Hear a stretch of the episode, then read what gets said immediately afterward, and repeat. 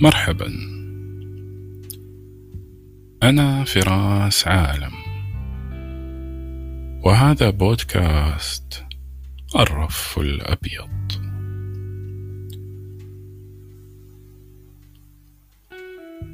للكاتب الساخر أحمد رجب كتاب جميل بعنوان صور مقلوبة. يستعرض فيه صورا ساخرة من الحياة اليومية. لشخصيات هزلية بطريقة فائقة الإمتاع.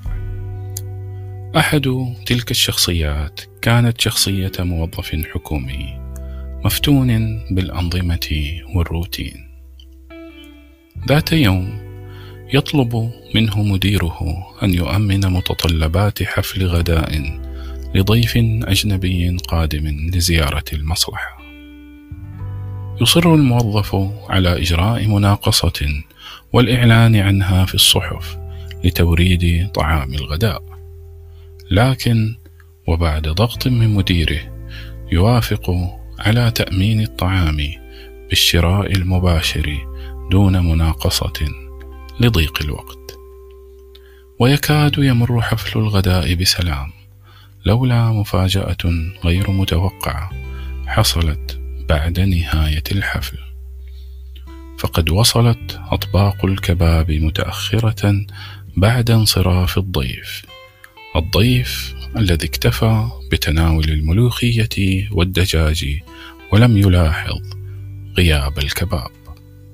هنا اقترح أحد الموظفين المتهاونين أن يأكلوا هم الكباب الذي ساقه الله لهم. لكن صاحبنا الموظف الهمام يعترض بشدة ويحذرهم بأن هذا مال الحكومة وأن الكباب قد أصبح عهدة لا يمكن المساس بها ويقوم بجردها ويقيس وزن أصابع الكفتة وطولها وحجم السلطات وحتى أوراق البقدونس المفروشة تحت أصابع الكفتة.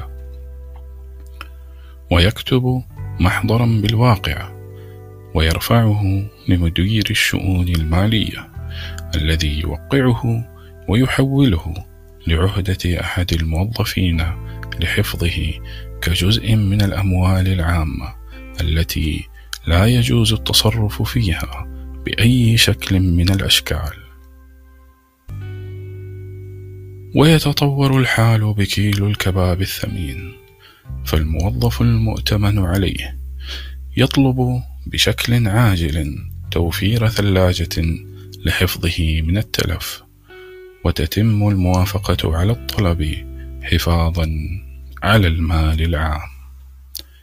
ثم يعود فيرفع طلبا يشتكي فيه من احتمالية انقطاع التيار الكهربائي ويطالب بصرف لوح ثلج يوميا كإجراء احترازي في حال انقطع التيار الكهربائي.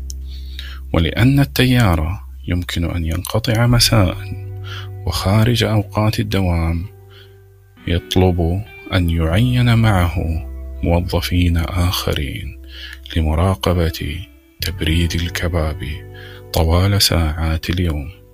فتصدر الموافقة على طلبه.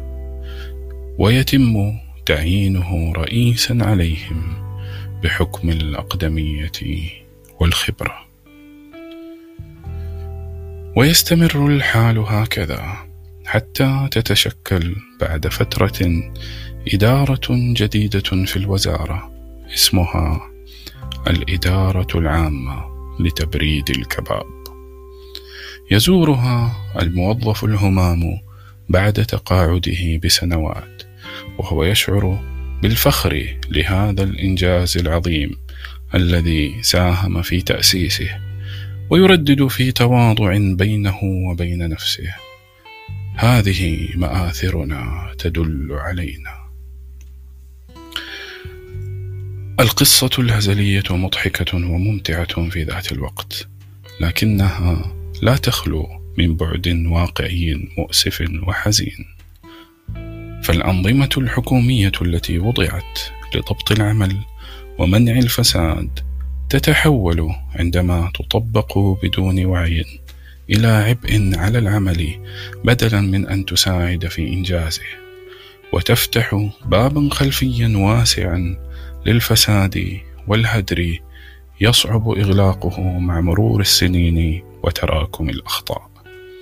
فكيل الكباب الذي في القصة كان يمكن التخلص منه بعشرات الطرق بل إن المدير العام عرض على صاحبنا أن يدفع ثمنه للوزارة وينهي القصة لكن الموظف رفض ذلك الحل لأنه غير نظامي ومخالف للقوانين. ترى كم كيلو كباب افتراضي تراكم في وزاراتنا ومصالحنا الحكومية؟